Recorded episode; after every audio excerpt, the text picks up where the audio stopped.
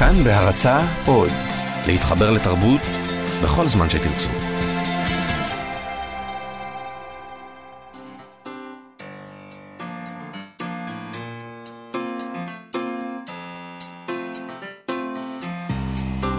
מה שכרוך, עם שירי לב-ארי וענת שרון בלייס.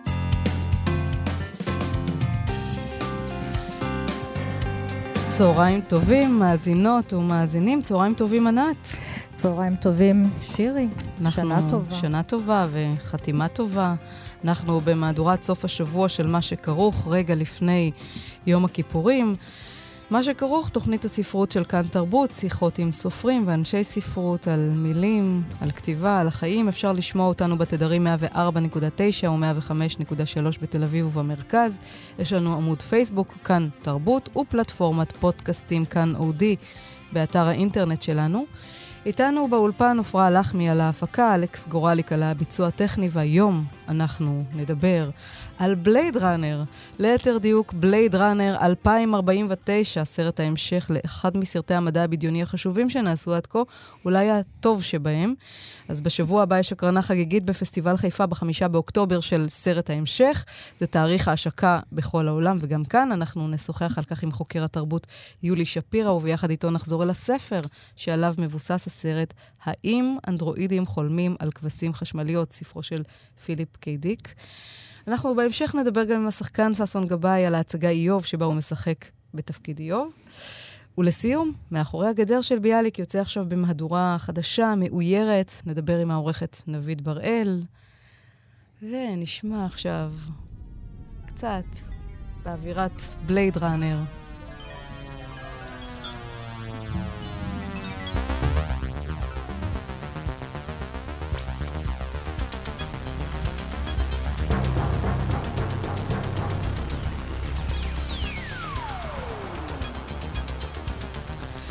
כבר רצות, ענת, לא?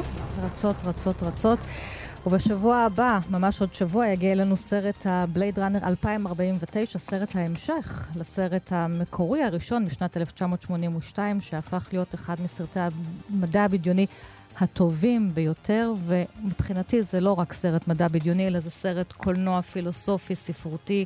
הוא גם מבוסס על ספרו של אה, פיליפ קיידיק, האם אנדרואידים חולמים על כבשים חשמליות? אולי היום כבר תהיה לנו תשובה. הספר עצמו ראה אור בשנת 1968. אה, אני בדיוק נולדתי, אז אולי אני אנדרואידית, ואני לא, עדיין לא יודעת את זה. Uh, בקצרה, העלילה, עולם דיסטופי שבו חיים בני אדם ששרדו לצד אנדרואידים וחיות חשמליות, אלא שהאנדרואידים כל כך משוכללים שלא ניתן להבחין בינם לבין בני האנוש. למעט זה שיש להם תאריך uh, תפוגה ידוע מראש, אם אני לא טועה זה ארבע שנים. למעשה הם אדם שנברא בצלם אדם, לא בצלם אלוהים. אלא אדם בצלם אדם, אולי אדם מזויף, ומה שיבוט. זה אומר, כן, מה זה אומר, אנחנו תכף נבדוק עם יולי. ואולי הרמז הראשון כבר שתול בשמו של הגיבור, ריק דקארד, בגילומו של הריסון פורד, צייד האנדרואידים, ששמו מזכיר את שמו של הפילוסוף דקארט. שלום, יולי שפירא. שלום, שלום ענת, שלום שירי. את יודעת, זה מעניין שאמרת שזה הסרט המדע בדיוני הטוב ביותר, או אחד הטובים ביותר. וכל פעם לכל דבר מדביקים את השם התואר הטוב ביותר, הגאון ביותר, המופלא ביותר, אבל במקרה של בלייד ראנר אתם צודקות. במקרה של בלייד ראנר אני חייב וידוי אישי, אני חושב שחיכיתי לרגע הזה 35 שנה. זהו, אתה אוהד מושבע של הספר והסרט. ומאוהב. אוהב, מאוהב. תמידית. ובעצם חיכיתי 35 שנה, לא לרגע הזה ספציפית להיות כאן באולפן איתכם, אם כי זה גם רגע חשוב ומכונן בהיסטוריה האישית שלי, אבל חיכיתי לרגע הזה שמישהו יעשה את הסרט. שמישהו יעשה את הסרט, וקיוויתי מאוד שרידלי סקוט יעשה את הסרט, ושהפסקול יהיה של ונגליס. שני הדברים לא קרו, ואני אגיד לכם למה. מה שקרה בסרט הראשון, זה לא קורה בסרט ההמשך. לא קורה בסרט השני, ואני אגיד לכם למה רידלי סקוט לא עשה את הסרט. רידלי סקוט לא לחינם הוא סר רידלי סקוט, הוא במאי, והוא כנראה במאי על גבול הגאון. והוא אומר, הוא עשה לא מעט סרטים. הוא עשה סרט אחד כמעט מושלם, גלדיאטור בעיניי, והוא עשה עוד סרט, וזה בלייד ראנר. והוא מבין שמסיבות לא סיבות, ואין לו מושג למה, אבל מכל מיני דברים, פשוט יצא לו יצירת מופת בלתי אפשרית לחזרה. והוא אומר, אני אהיה המפיק של הסרט הבא, okay. אני לא רוצה להיות הבמאי. ונגליס אומר, אני את הפסקול הזה כבר לא אלחין. לא משבטים את עצמם באיזשהו מובן, הם נשארים כן, מקור. כן, חד חד, פעמי, אה, חד מקוריים. פעמי. רגע, יולי, תספר כן. לנו קצת על המסע שלך. כן. קודם עם פיליפ קיי-דיק, ואחר כך עם... עם הספר. עם עם- הסרט. אני אגיד עם- לך מה, עם פיליפ קיי-דיק פחות, אני חושב שהמסע שלי עם פיליפ קיי-דיק הוא בדיוק כמו המסע של רידלי סקוט. רידלי סקוט אומר שבערוב ימיו, זה הסרט יוצא ב-68, פיליפ קיי-דיק נפטר, אני חושב... הספר יצא, כן, כן. הספר יצא ב-68, פיליפ קיי-דיק נפטר די מהר לאחר מכן. רידלי סקוט אומר שהוא נפגש פעם אחת עם אה, פיליפ קיי-דיק, הפגישה הזאת הוא לא כל כך התרשם ממנו, הוא כנראה הבין שהבן אדם הזה יוצא דופן, הוא קרא את הסרט, הוא עיבד, הם עיבדו את זה אחר כך לתסריט. פיליפ קיי-דיק, אני חושב שהוא הספיק, אם אני לא טועה, אני חושב שהוא הספיק לראות את הגרסה של רידלי סקוט, את הגרסה הראשונה של בלייד ראנר, הוא לא כל כך אהב את הסרט, הוא, חושב, הוא חשב שהסרט לא כל כך נאמן לספר. ואני חושב, אני קראתי את הספר, ואני חושב שטוב במקרה הזה שהסרט לא נאמן לספר. כי הסרט הזה בעצם בורא עולם. אני, אני אגיד אולי במשפט אחד, שואלים למה בלייד ראנר הוא סרט המדע הבדיוני הטוב ביותר. ונניח והיה יושב פה עכשיו רידלי סקוט והייתי יכול לשאול אותו, רידלי, why is this fucking picture the best science fiction uh, picture ever made?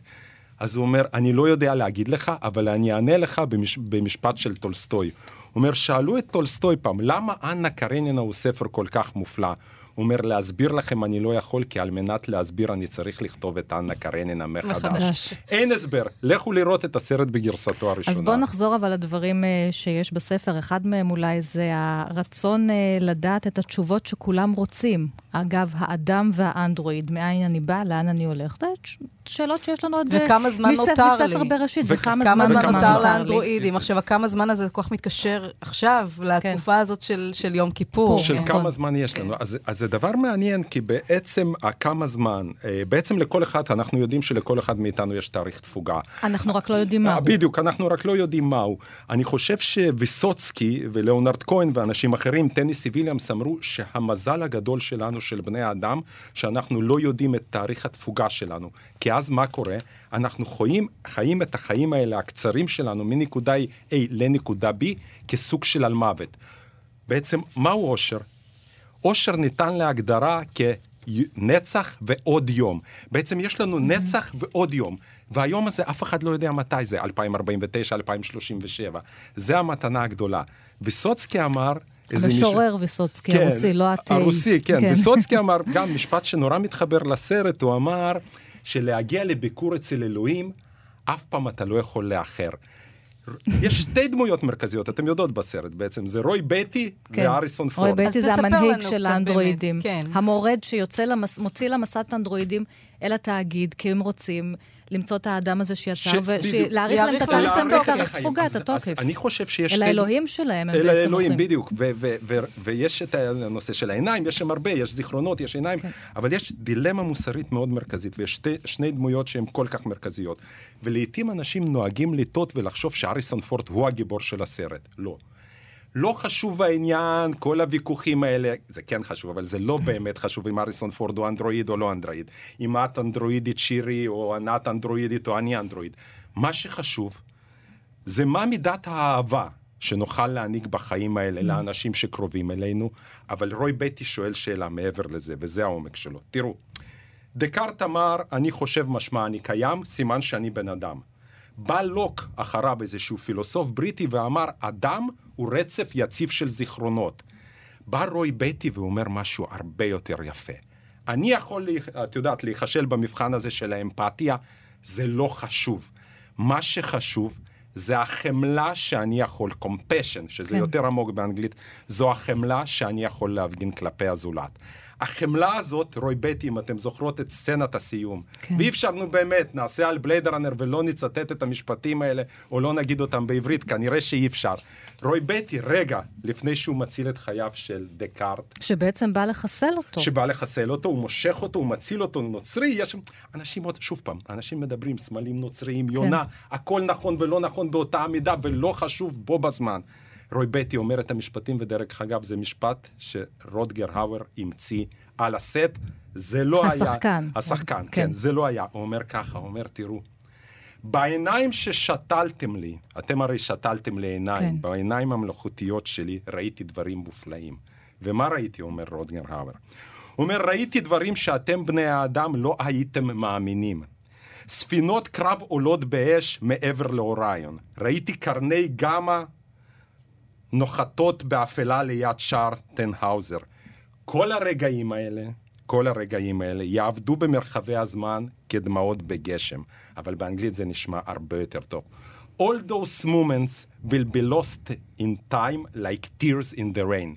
אבל בעצם, בעצם בטי אומר משהו אחר לדקארט. הוא אומר לו, יש לך אהבה, אתה מאוהב באנדרואידית. מה זה משנה כמה זמן יש לך? הרי אף אחד לא יודע. אף רגע, אף רגע לא הולך לאיבוד בזמן. מה שקורה כמו זה שבדיוק, ש- אני רק אסיים, כמו שבדיוק, סליחה, אני כזה אוהב להתלהב מהסרט, כמו שבדיוק דמעות הן לא נמחקות בגשם, הדמעות יש להן זיכרון. זה בעצם מין חילופי זהויות. בסופו של דבר, האנדרואיד הופך להיות יותר אנושי לגמרי. מאשר הבן אדם שהופך, שהופך להיות אה, מחסל, מחסל. רוצח. אבל הוא בעצם, בדיוק, את יודעת, הוא, את, הוא, הוא, הוא, הופך, הוא מאבד את צלם האנוש שלו, לגמ- והאנדרואיד את- אה, מקבל צלם אנוש. מקבל צלם אנוש. את לגמרי צודקת, כי מה שקורה בסצנת הגג בעצם, את יודעת, כי אנחנו לא יודעים, אה, אפרופו ששאלת אותי מי אני, אמרתי חוקר תרבות, אולי אתה אנדרואיד, אמרתי, יכול להיות שאני אנדרואיד. זה היה לפני דקארט- השידור, שאמרתי איך אני בדיוק מציגה אותך, כן, אמרת, אני בדיוק. לא יודע. אז... אני לא יודע, כי מה אני יודע מי אני? אבל דקארט בדיוק מתי הוא מבין שהוא בן אדם, ובגלל זה אני מעדיף את הגרסה שדקארט הוא- דק- דקארט הוא בן כן. אדם, לא דקארט כמובן, ולא אנדרואיד. כי זה לא ברור. זה לא ברור, אבל ברגע גם ש... בסוף הסרט זה לא ש- ברור. ב- ברגע שרוי בטי מציל אותו, זה עוד לא מספיק. בעצם, על מנת להיות בן אדם, דקארד אומר לנו שאתה צריך להרגיש את הפחד. פחד ואמונה. בצד, באותו הזמן הוא חש את הפחד, ומצד שני הוא מרגיש את האמונה שכנראה שמישהו יציל אותו. והנה הוא מציל אותו, ודווקא מה שמגדיר אדם זה לא החשיבה, זה לא האמפתיה, זה לא האהבה, זה אולי הפחד שלנו. הפחד ממה? אנחנו סוגרים מעגל. הפחד מזה שהחיים הם נצח ועוד יום.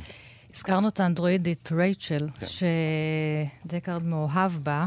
אה, היא איזושהי אנדרואידית מיוחדת גם עם תאריך תפוגה ארוך יותר. אה, שון יאנג מגלמת אותה בסרט אה, בצורה מופלאה. אה, אני מצטטת עכשיו מהספר. זה דיאלוג ביניהם בזמן שהם עושים אהבה. אנדרואידים לא יכולים ללדת, אמרה רייצ'ל. האם זה הפסד? הוא גמר להפשיט אותה, לחשוף את חלציה החיוורים הקרים. האם זה הפסד? חזרה רייצ'ל ושאלה. אני באמת לא יודעת, ואין לי שום יכולת לדעת. איזו הרגשה זו ללדת ילד. איזו הרגשה זו להיוולד. אם כבר, אנחנו לא נולדים, אנחנו לא גדלים. במקום למות ממחלה או מזקנה, אנחנו מתבלים כמו נמלים. שוב פעם, נמלים, זה מה שאנחנו. לא אתה, אני מדברת עליי. היא הפכה את ראשה הצידה ואמרה בקול, אני לא חיה. אתה לא נכנ- נכנס עם, למיטה עם אישה. אל תתאכזב, טוב? כבר התעלסת פעם עם אנדרואידית? לא, הוא אמר. אני מבינה, ככה שמעתי, שזה משכנע אם אתה לא חושב על זה יותר מדי. אבל אם אתה חושב על זה יותר מדי, ואם אתה מהרהר במה שאתה עושה, אז אתה לא יכול להמשיך. מסיבות uh, פיזיולוגיות. הוא התכופף ונשק לכתפה החשופה. תודה, ריק, היא אמרה במעורפל, אבל אל תשכח, לא לחשוב על זה, רק לעשות את זה. אל תשתהה להגיגים פילוסופיים, כי מנקודת ראות פילוסופית זה מתועב לשנינו. זה, יש גם אהבה בספר הזה ובסרט הזה, וזה גם סוגיה שעולה פה לדיון עד כמה באמת יכולה להתקיים התקשרות בין אנשים ש... במקרה הזה, זה, זה בעצם מטאפורה, כן, האנדרואידית ובין האנוש. כן. כן. אנחנו בהמשך נדבר על מאחורי הגדר של ביאליק. יש שם גדר, ככל הגדרות, וגם זה, הפער בין, ה, נגיד, הזן שממנו הם עשויים, זה בדיוק מה שעומד ביניהם ככל גדר. עומד, עומד ביניהם זה נכון ככל גדר, אבל את זוכרת, אה, את זוכרת שירי או ענת, שמה מחבר ביניהם? יש את, הם כאילו, היא אומרת, אוקיי, אז הושתלו לי זיכרונות, אני לא יודעת אם הזיכרונות שלי הם אמיתיים נכון, או לא. כי הם משתילים להם כן, זיכרונות. הושתלו לי זיכרונות, אבל בעצם, ואז, אבל, אבל אז קורה רגע מסוים. ואז קורה רגע שהיא מנגנת בפסנתר. זה נקרא Memories of Green. כן. במקור, במקור, אה, במקור, המנגינה שהייתה אמורה להיות, והיא אומרת את הכל על יחסים בין בני אדם ועל הבדידות שלנו כאן, היא נקרא פיאנו איננם פטירום. פסנתר בחדר בחדר בודד. כל אחד מאיתנו הוא בעצם פסנתר בחדר בודד, וזה מזכיר את השיר של שימבורסקה, חתול בדירה ריקה. זה הרי אותו העיקרון. לא מעוללים דבר כזה, לא משאירים חתול לבד בדירה ריקה כשהבעלים נפטרו או משהו כזה. לא מעוללים דבר כזה ששמים פסנתר ריק בדירה, והיא מנגנת ואז הוא אומר אוקיי, ו-now kiss me, ואז הוא מנשק אותה. והוא אומר רגע, רגע, אבל אני בעצם מנשק אנדרואידית. אבל הוא אומר, מה זה משנה?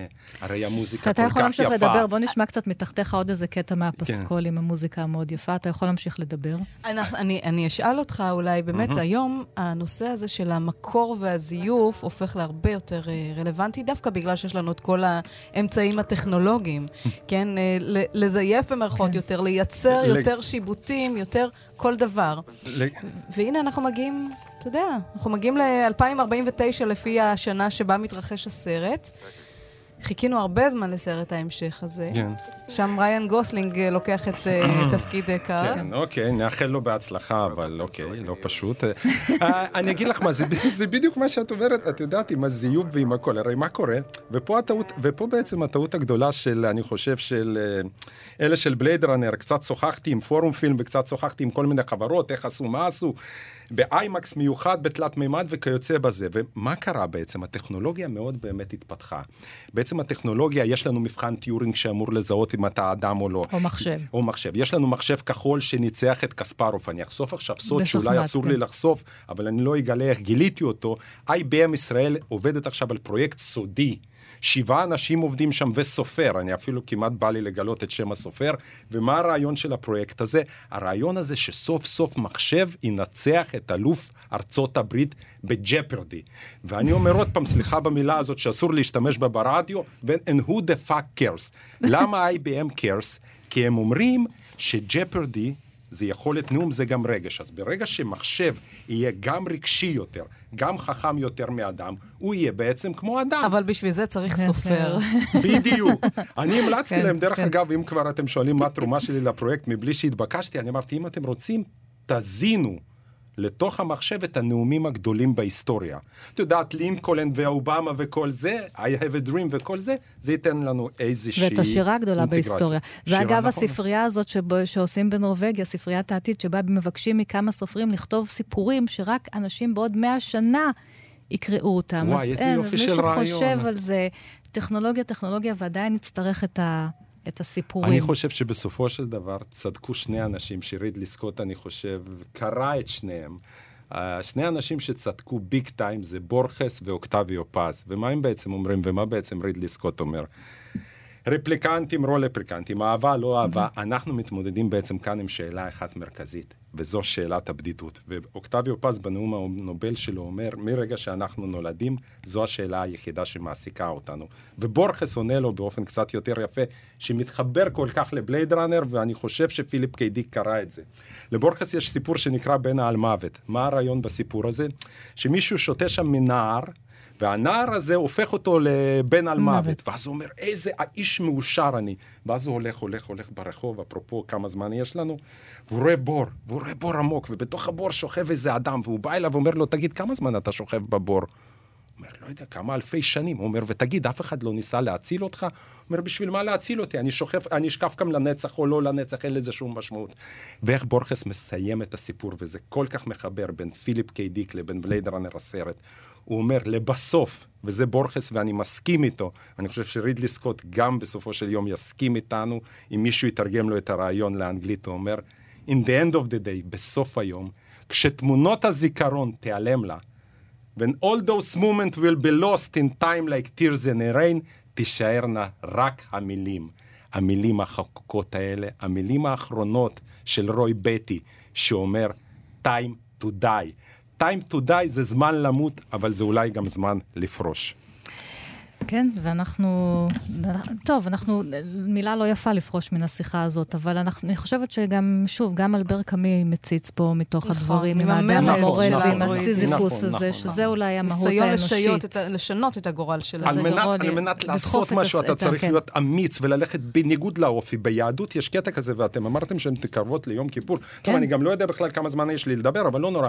אתן מתקרבות ליום כיפור. דקה אחרונה. תאריך התפוגה. תאריך התפוגה 30 שניות. נצח ועוד דקה. נצח ועוד, הנה, נצח אני רואה ועוד 48 שניות. אז הוא, הוא אומר, הם אומרים את הדבר הבא, תמיד אומרים לפעול בניגוד לאופי שלך, אבל לא מבינים. אם האופי שלך רע, תעשה מעשה אחד טוב ביום, אבל אם האופי שלך טוב, תנסה למרוד, תעשה מעשה אחד רע, אתה תלמד משהו חדש על עצמך. רוי ביטי, מורד. אנחנו מחכים כן. לבלייד ראנר 2049 בקרוב מאוד. מחכים, נו, מחכים. אני מבינה שאתה קצת חושש, אבל כן. אנחנו נצפה בזה, ויש כבר אה, הדים טובים לסרט. כן, אנחנו נהיה ביחד בהקרנה הזאת עם עוד אלף איש, שאני ממליץ לכם להגיע. אז יולי שפירא, כן. תודה רבה. תודה רבה, חתימה טובה, ושנמצא את התשובה, האם אנדרואידים אה, חולמים על אה, כבשים חשמליות. אני חושב שאולי נמצא בכלל תשובה, אם אנחנו רפליקנטים או בני אדם, אני חושב שהתשובה לשאלה הזאת ניתנת יום-יום במעשים שלנו. תודה אני, רבה. אני חתול חשמלי. אמ, ואני גם אומרת פה תודה לאיש שלי בבית, לדותן, שעזר לי תמיד, גם הוא מאוהב תמידי בסרט הזה בבלייד ראנר, אז תודה, דותן. להתראות, יולי שפירא.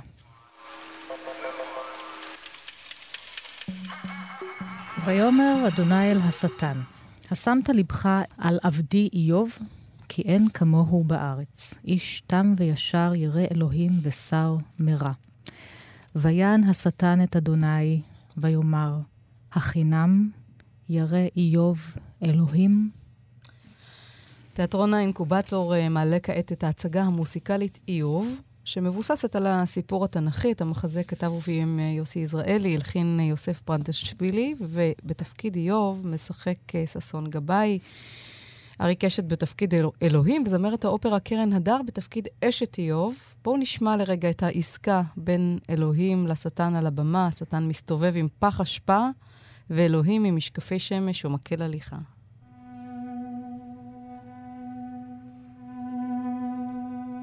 שלח נא ידך וגע בכל אשר לו, אם לא על פניך אקללך. הינו בידך, אך את נפשו שמור. שלום, ששון גבאי. היי. מה שלומך? בסדר גמור.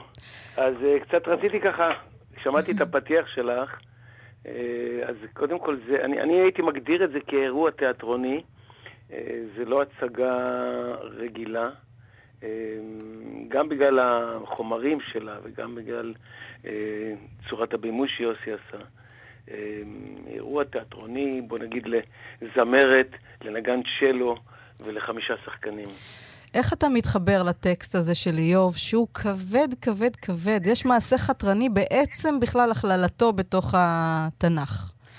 אה, זה נכון, האמת היא שזה התחיל מאיזה שתי, שתי פגישות שיוסי ואני עשינו איזה סדנה על איוב, אה, שעשינו בתיאטרון תמונה לפני שנה וחצי. והמפגש עם החומר הזה היה מרתק, מעניין, ועשינו את זה עם קהל, ותוך כדי שיתוף קהל, תוך כדי דיון עם קהל, וזה פשוט, אה, אני פשוט נדלקתי על החומר הזה. עכשיו, כשאתה חושב על זה, וכשאתה קורא את זה, וכשאתה רואה את זה, החומר הזה הוא כל כך עכשווי, הוא כל כך אקזיסטנציאליסטי. הוא בעצם מתעסק בכל השאלות שמאז שאדם אה, מודע לקיומו, מודע למותו, מודע לחייו, אה, להתעסק בהם, לפחות בכתובים. ועד היום הזה, השאלות הנצחיות, אה, הטענות כלפי האל, למה, למה חיי הם כאלה. כי אני רואה בכל אדם, כל אדם יכול למצוא בעצמו את איוב, גם לשאלתך. אה, כל אחד מאיתנו עבר איזושהי מכה. ותמיד יש שאלה, למה, למה אתה עושה לי את זה? למה הרשע טוב לו והצדיק רע לו? למה אני, שהלכתי בדרכך ו- ו- והלכתי ונשמעתי למצוותיך, אתה מעניש אותי? ואת זה שבכלל לא רוצה לשמוע ממך, חייו הם טועים. וזה שאלות בעצם של שיח של האדם עם האלוהים. כן, העניין הזה של שכר ועונש, הרי אין חוקיות בעניין הזה. הרגע אמרת, נכון, אנשים רעים קוראים להם דברים טובים, ואנשים טובים קוראים להם דברים רעים. אנחנו כל הזמן מנסים להבין את החוקיות ולא מצליחים. נכון, כי זה לא בהכרח, כי לפעמים גם, אה, גם רשע נענש. אה, כמו שאומרים ידידי איוב, מנסים לשכנע אותו שיש היגיון בשיטה, אה, ויש גם צדיקים של, שלפעמים טוב להם. לכן, לכן כל השאלה, וצריך לזכור שהשאלות האלה הן שאלות של אדם מאמין. מה שיוסי עשה כאן, הוא, הוא לקח בעצם את ספר איוב, יש לנו מופע תיאטרוני של 55 דקות עם מוזיקה. שבעצם הוא לקח ותמצת את ספר איוב, שהוא די ארוך ויש בו הרבה חזרות, תמצת אותו ל-55 דקות של אה, מופע לדעתי שהקהל נורא מתחבר אליו. איזה פסוק אתה אוהב להגיד בהצגה? שככה אחר כך אתה הולך איתו הביתה והוא, בתוך הלב שלך עדיין. אה, יש כמה כאלה, אבל קודם כל אני רוצה בהקשר לשאלתך, קודם כל אני נורא שמח שאנחנו עושים את זה בשפה תנכית. בשפה האמיתית. זאת אומרת, כמו שזה נכתב. ובשבילי זה אתגר לפצח את השפה הזו ולהפוך אותה לשפה מאוד מדוברת, אה, כמו שאני מדבר בשפה יומיומית. זה, זה מזכיר קצת, נגיד, אתה לוקח מחזה שקספירי ואתה רוצה להפוך את השקספיר, השפה השקספירית הגבוהה ל... לשפה אמ, אה, שנשמעת טוב על ידי הצופה. ואני חושב שהצלחנו לעשות את זה, ועל זה, זה היה גם אחד האתגרים שגירו אותי לעשות את הדבר הזה, גם בגלל שזה חומר שלנו וגם בגלל שזה חומר... אה, לגבי שאלתך, בסוף המחזה, בסוף האירוע התיאטרוני, בסוף ההצגה, אומר אה, איוב, זה משהו שבאמת נוגע לי ללב, כשהוא אומר, כי קיוויתי לטוב ובא רע, חיכיתי לאור ובא חושך. והעוגבי הפך לקול בוכים, אה, וכל ה... והכינור שלי למספד, למספד אבלים. אתה אה, דיברת אה, קודם, ששון, על השפה. ואני חוזרת בחזרה לשלושת הרעים שלו, ששבים ומוכיחים אותו פעם אחר פעם שהוא כנראה עשה משהו רע אם אלוהים מעניש אותו עד כדי כך, והם חושבים שהם האנשים המאמינים, שהם מבינים את האלוהים ואת האמונה, ובסופו של דבר אה, אלוהים אה, אומר להם שלא דיברתם אליי נכונה כעבדי איוב. כלומר, אתם לא תופסים את האלוהים והאמונה כ... כי אתם חושבים שזה משהו של תן וקח, משהו פונקציונלי. וזה לא כך, זה משהו שהוא מעבר. אה, זה נכון, וזה לא רק זה, גם שלושת הרעים הם בעצם אה, קצת מצטטים את אה, דרך, דרך מלומדים. זאת אומרת, ככה, ככה נהוג לחשוב, ככה נהוג כן. לומר, והם על אוטומט עובדים, ואומרים, אם אתה עשית, אם אתה נענשת, כנראה עשית משהו לא טוב. כן, זה מוסכמות. ואיוב...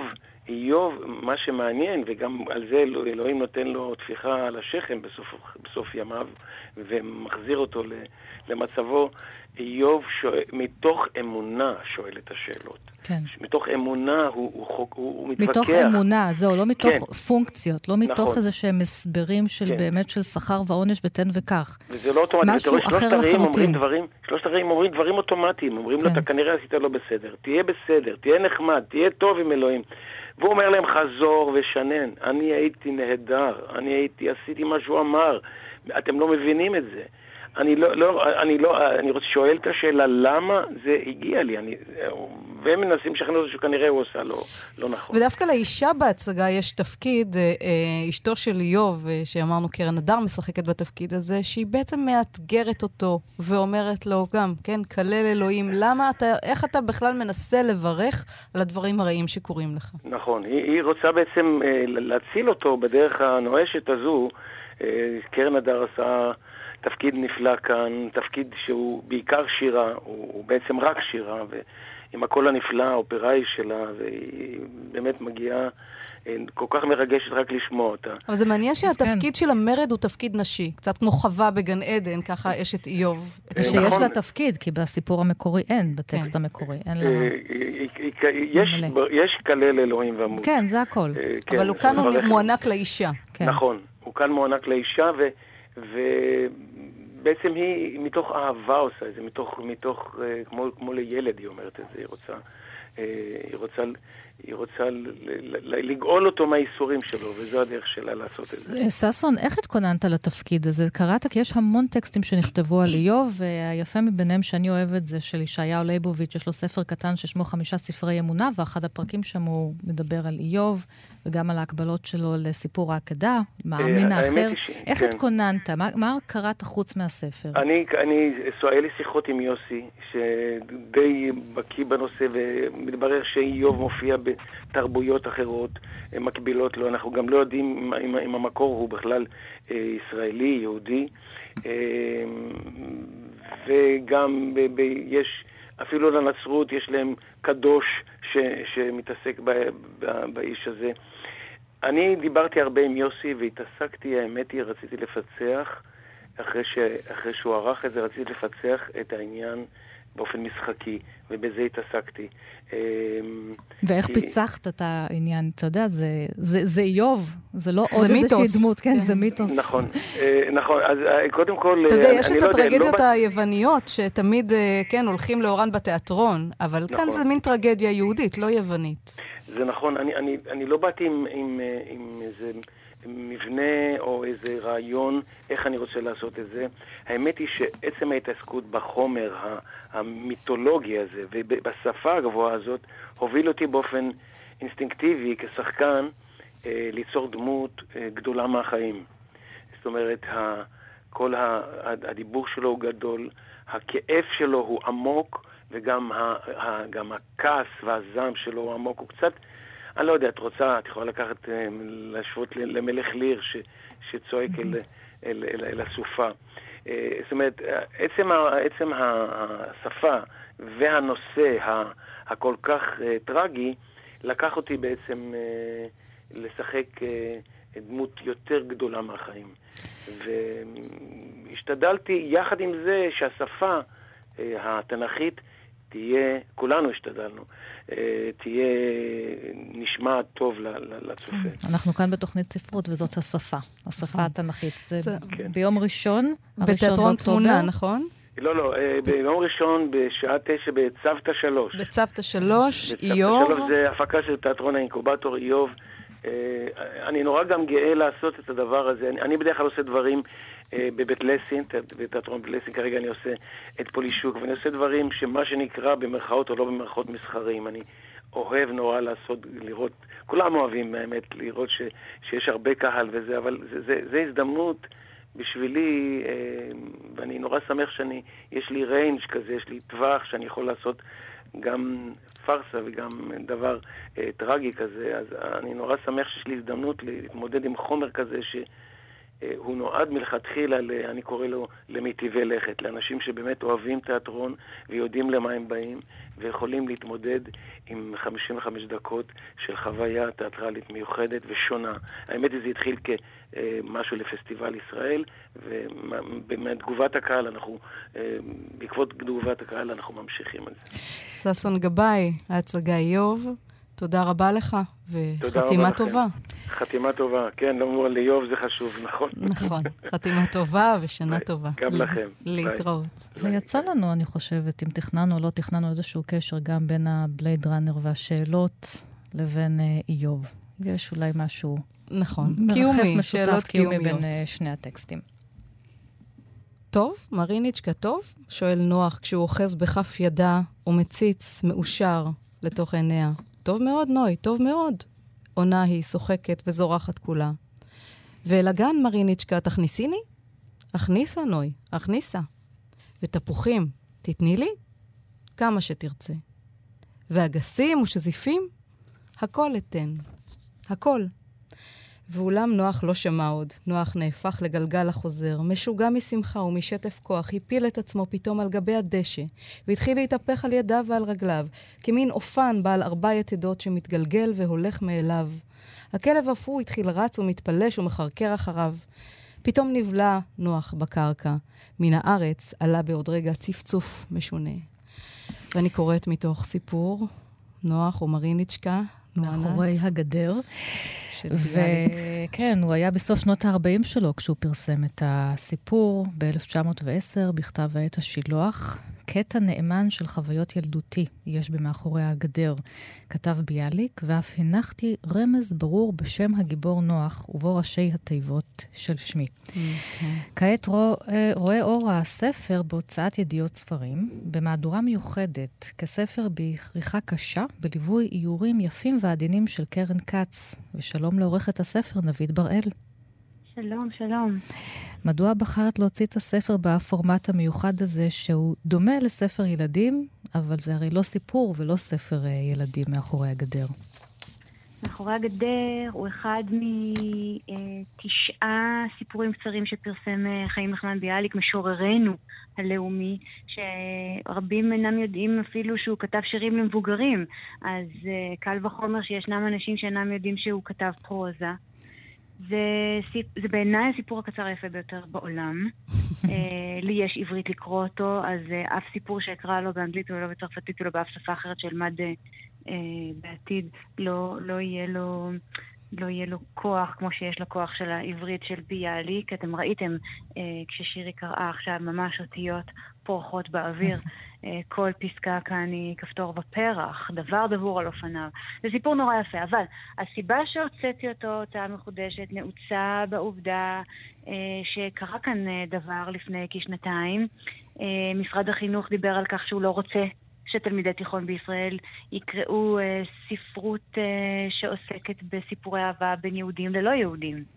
בספר אה, גדר חיה, בין היתר, של כן. דורית רביניאן. גדר אחרת, כן. זה עורר באמת סערה כן. ציבורית, והנה פתאום אנחנו חוזרים אל השורשים, אל ביאליק, ומאחורי הגדר... באותו הרגע, שבעין הסערה, סביב ספרה היפה של דורית רביניאן, החלטתי שאני אוציא לאור את מאחורי הגדר, ואזכיר למשרד החינוך שלמדו כאן לפחות שני דורות אה, לבגרות את הסיפור היפה הזה, סיפור ההתבגרות הזה, סיפור האהבה הזה בין נוח למרינקה. בין ילד יהודי לבין אה, אסופית אה, גויית, כן, תלמיד כן, ישיבה. הם, מתחילים כילדים והם מתבגרים והופכים לנאהבים, הם שכנים, ביניהם מפרידה תמיד גדר, גדר פיזית, גדר לא של דת, של מוסכמות. הם שכנים במקום מאוד מסוכסך, זאת אומרת, ביאליק מפנה ביקורת מאוד מרה כלפי היהודים במרחב הזה.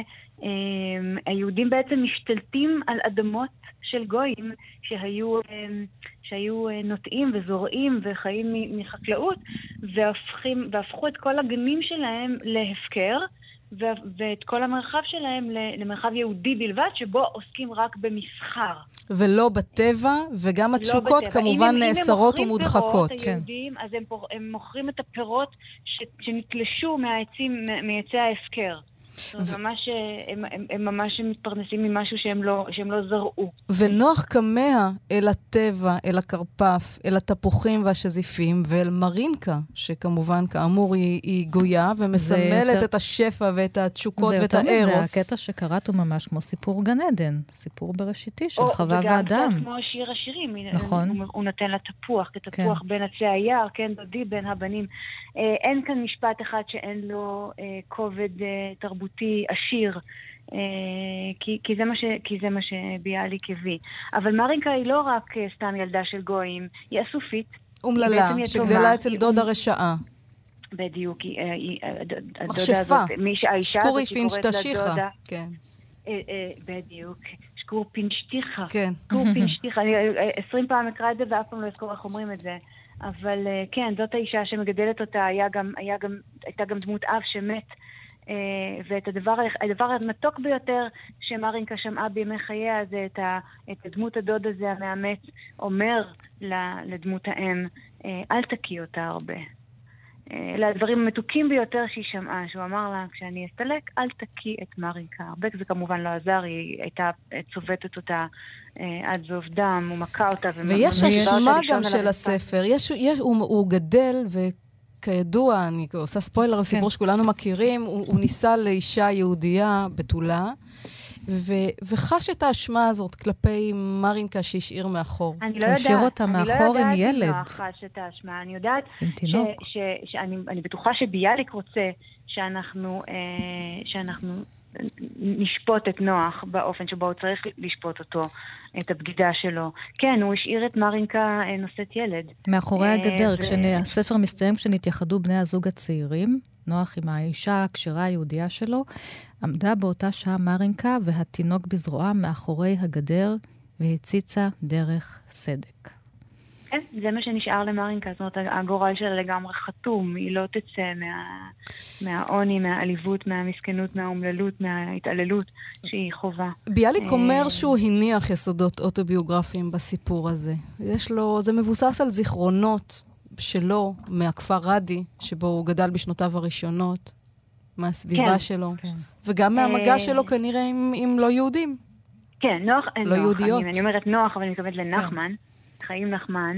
אה, אה, התייתם מאביו, אה, ואימו נשארה עם, אה, איתו ועם אחיו כמעט בלי יכולת לכלכל אותם, ולכן הוא נשלח לגור בכפר אצל סבו. וסבו לא אהב את שמחת החיים של הילד הקטן ש... והחוצפן ש... שבא, שבא לגור איתו. ו... והוא היה נוהג לברוח מן הבית לגבעות, ו... ושם הוא, הוא חווה רגעים אפיפניים של, אה, של משיכה לטבע, של אהבה לטבע, של זערורי האור אה, שנוצצים על, הת... על, על, על, על העשב, של הטל המבהיק בבקרים, של השקיעות היפות. אה, יש לו תיאורים יפהפיים של אה, אוטוביוגרפיים של הדברים הללו, ואנחנו יודעים שהוא שאב מהם לתיאורים היפים של נוח אה, ומרינקה מאחורי הגדר בכרפף. איזו מילה נהדרת. כן. ש... אבל כשהוא כתב את הספר הזה, אז זה באמת מין תנועה כזאת בין החוויות הילדות האוטוביוגרפיות הקסומות, שאנחנו גם זוכרים אותן תמיד באיזושהי צורה שיש בה איזה תום, ומצד שני, משורר לאומי, אולי הוא עדיין לא היה משורר לאומי, אבל הוא כבר היה אה, סופר או משורר אה, מוכר, הוא ניסה לומר איזשהו משהו אה, חינוכי, מוסרי, דתי. על, אולי על מידת לקוראים, כן. הטולרנטיות ש, ש, שלנו. אל... כן, מה, כן, מה המסר של הספר הזה? מה, מה, מה תישארו למדנו מאחורי, מן ה- כן, הספר? תישארו מאחורי הגדר, לא, כי או בסופו של דבר, הגדר? את הזכרת קודם כן. את גדר חיה, וגם שם נכון. יש מערכת יחסים שבסופו של דבר לא מתממשת עד הסוף, זה נעצר בתוך הכבלים והמוסכמות. הפ- הפרטיים אפילו של הגיבורים. כאן יש כבלים ומוסכמות אה, כאילו חיצוניים שנכפים על הגיבור, אבל הוא בסופו של דבר אה, האם זה ספר חתרני אותן. או לא חתרני? אולי כך הוא- ננסח הוא- את השאלה. הוא אולטרה חתרני, הוא- הוא ארכי חתרני. למרות הסוף? אה, למרות, כמובן, ואפילו בזכות הסוף. אנחנו מגלים, אה, את יודעת, אנחנו שופטים את אה, נוח לאחור, ואנחנו רואים אה, ילד שבסך הכל אולי ניצל את הילדה היחידה שהייתה מותרת, שאפשר היה להסתכל עליה. היא ניסתה אה, לכסות על הגוף שלה, היא הייתה מניחה את הידיים שלה על החזה אה, בצורת צלב, אבל כל הנערים היהודים היו מסתכלים בחרכים מאחורי הגדר, ומסתכלים, כל הזמן נוצצים. מסתכלים עליה, ו- והיא, והיא, אה, והיא נוצלה, זאת אומרת, היא, היא ידעה את זה. אה, כשהוא הוא אמר לה, אני, אני אשתול כאן, אני אזרע כאן אה, עצי, עצי פרי, היא אמרה לו, אין כאן שמש, שום דבר לא היה. לא. זאת אומרת, ביאליק... אה, ביאליק... אה, וביאליק אומר, נוח תולש וקוטף, משתמש. זאת אומרת, הוא עושה דרך. הסיפור היפה הזה, כמו שאמרת, הסיפור שאת הכי אוהבת בשפה היפה ביותר, הוא עושה קצת נו נו נו לכולנו. זה מתחיל בנו נו נו, זה כן. מתחיל בכך שבאקספוזיציה ביקורתית על החברה היהודית, הדורסנית, הכובשנית, שרוצה את כל השטח לעצמה, אה, וגם שם היהודים בהחלט מתעללים במתעללת. זאת אומרת, יש כאן שרשרת כזאת אפילו לוינית של אה, אנשים שאף אחד לא צדיק. נבית, אה, גם אני קראתי את זה בימי התיכון. אני חושבת שנחשפתי לסיפור הזה לראשונה, אולי גם את. איך הייתה חוויית הקריאה הראשונה של הסיפור הזה? אני מפעימה. אני, אני זוכרת שרצתי לאימא שלי ואמרתי לה, את מכירה את זה? בטח, ו- וחזרה לקרוא את זה, והיה, והיה לנו רגע נחמד של, אה, של שיחה על זה. והאיורים, איך הם תורמים לספר, האיורים אני של רציתי, קרן? רציתי, להפוך את זה, רציתי להפוך את זה לספר אה, יפה, שהוא גם מוצר נייר יפה, שגם יש לו, שיש לו ממד אה, חושי. אה, נעים לגעת בו, נעים לדפדף בו, אתם תסכן איתי. נכון, כן. אה, קרן היא מאיירת צעירה ש... שעבדה במשך שנתיים על אה, 30 האיורים הללו, ומי שיחזיק את הספר ביד יראה כמה שהוא אה, יש פה הרבה, בור, מעניין. הרבה בורות. הרבה בורות, זה הרבה כן, תנועה, שימי והרבה לב ל- תנועה, ל- נכון. הרבה סימביוזה, לתנוחות, הרבה סימביוזה. בין הדמויות, לתנוחות בין של ה- הטבע. של ה- של ה- של הדמויות שמוארות. גם, שימו לב, למשל, איך היא מאיירת את מרינקה יחד עם הכלב. יש, יש תיאורים של מרינקה שהיא כמעט אפילו, היא אפילו לא אדם, היא תת-אדם. ככה, כך, כך רואים אותה בבית, ככה אם המאמצת הזאת רואה אותה, והיא כל הזמן ליד הכלב. לפעמים הכלב מגיב על המציאות יותר מאשר היא מרשה לעצמה להגיב. אז באיורים יש לכך אה, ביטוי מאוד יפה ויזואלי. זאת אומרת, קרן נתנה פרשנות, ממד פרשני אה, מעניין, היא לא מאיירת את הסיפור, אלא היא מוסיפה עליו נדבך. יש כאן עוד אמירה, אמירה חזותית, ואני חושבת שזה ספר שיכבד כל ספרייה ביתית. אני לפחות מניחה אותו בלב שלם ואומרת, קחו, אה, כן. עשיתי משהו בשביל קוראי. מאחורי אה, הגדר הגדר. במהדורה חדשה ומאוירת עם איורים של קרן כץ. אה, תודה לנבית בראל, תודה לך. העורכת. תודה לכם. חתימה עשינו- טובה. כן, עשינו כאן היום איזשהו מועדון אה, ספרים מורחב, ולא רק פינה, כי חזרנו אל בלייד ראנר, אל אה, הספר של אה, פיליפ קיי דיק, אם אנדרואידים חולמים על כבשים חשמליות, חזרנו אל ספר איוב, וחזרנו אל מאחורי הגדר של ביאליק. עד כאן כן. אה, מה שכרוך, מהדורת סוף השבוע, ורגע לפני אה, יום הכיפורים, אנחנו נודה לעופרה הלחמי על ההפקה ולאלכס גורליק על הביצוע הטכני, וניפרד מכם, המאזינים, נאחל לכם חתימה טובה ושנה טובה. צום קל לצמים ולצמות. שירי לב-ארי, תודה. ענת שרון. בלייס, תודה, להתראות.